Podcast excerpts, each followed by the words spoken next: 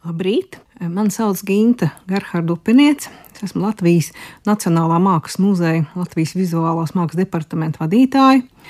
Vai zinājāt, ka 1935. gadā Parīzē Trakadero pilī notika Baltijas tautas mākslas un etnogrāfijas izstāde? Un šajā izstādē bija ļoti vērienīga, ļoti plaša sadaļa, kas bija veltīta latviešu tautas mākslai. Pati izstāde sastāvēja no Latvijas, Igaunijas un Lietuvas darbiem. No Latvijas puses to organizēja pieminekļu valde un valsts vēsturiskais muzejs un tā direktors Valdemārs Ģinters ir saglabājušies dokumenti, ka ministra kabinets bija piešķīris 5000 latu Tātad tas bija valsts apmaksāts pasākums un projekts. Un no Francijas puses Parīzē jau to sagaidīja Oļģerts Grosvalds, kas bija Latvijas sūtnis Francijā un kas sadarbojoties ar muzejiem un šiem partneriem veica visu, lai šī izstāde notiktu. Protams, šajā laikā patrons bija Kārlis Ulmanis, un sarakstē ir tiešām interesanti, ka transports dodas uz Parīzi ar 8144 eksponātiem ka šajā laikā ir izsūtīti desmit tūkstoši ielūgumu. Un tā tad arī Valdemārs Ģinters raksta Sūtnim Grosvaldam, ka, diemžēl, informācija par Baltijas valstīm vispār Parīzē ir stipri vāja, bet ir parādījušies jau pirmie raksti presē, un tas nozīmē, ka jādara viss, lai par Baltiju uzzinātu vairāk. Un tā tad atklāšana notika 1935. gada 17. maijā, un faktiski tā bija Baltijas manifestācija. Ko tad redzēja šajā izstādē? Protams, tautas mākslu, un arī ir raksti par izstādes saturu, kā ir saglabājušās arī fotografijas ar šo skaisto tautas mākslas ekspozīciju no Baltijas, kur tad katra no Baltijas valstīm rāda to, kas viņas tautas mākslā ir tas raksturīgākais.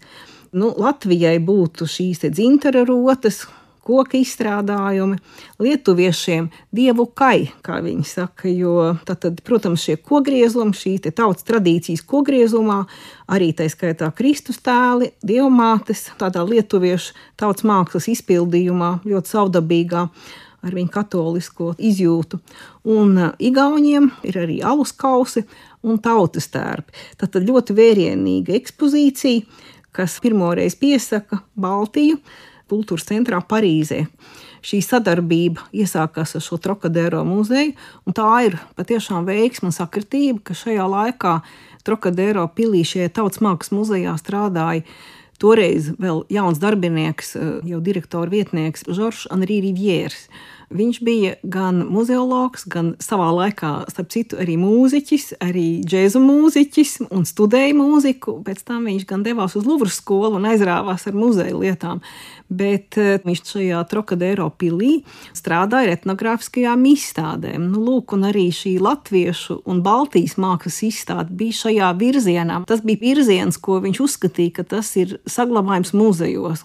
Tā ir tāda revolucionārā muzeoloģija, kas atvēra sienas un teica, ka ne tikai eksponāti muzejā, bet uh, sociālā dzīve, sabiedriskās un ikdienas lietas, arī industrija un arī, protams, tautas māksla ir vērā ņemams, lai tās būtu muzejā.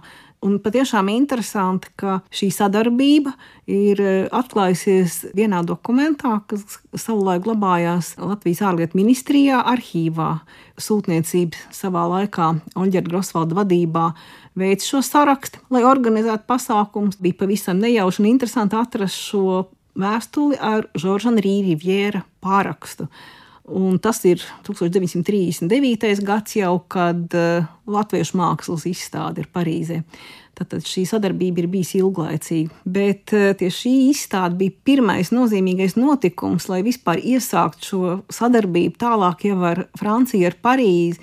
Un šai tautsmākslas izstādē, kas notika Trokadero 1935. gadā. Turpinājums bija gan Baltijas paviljons jau pasaules izstādē 1937. gadā, kur pasaules izstādē Baltijai ir savs paviljons un katrai sava zāle gan varam pieminēt Latviešu mākslas izstādi 1939. gadā muzejā Žodepom.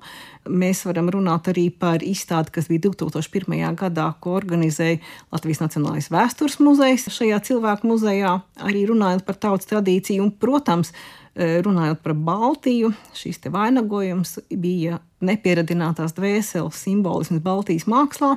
2018. gadā, kas īstenībā arī bija kā tāds atgādinājums par visiem šiem notikumiem un arī iesākumu. Un šis iesākums ir pagājušā gadsimta 30. gadu aktivitātes, pateicoties ļoti aktīviem kultūras cilvēkiem. No vienas puses Oļģerts Grosvalds, bet arī no franču puses šīs muzeologs Žoržs Andrī Rivjērs.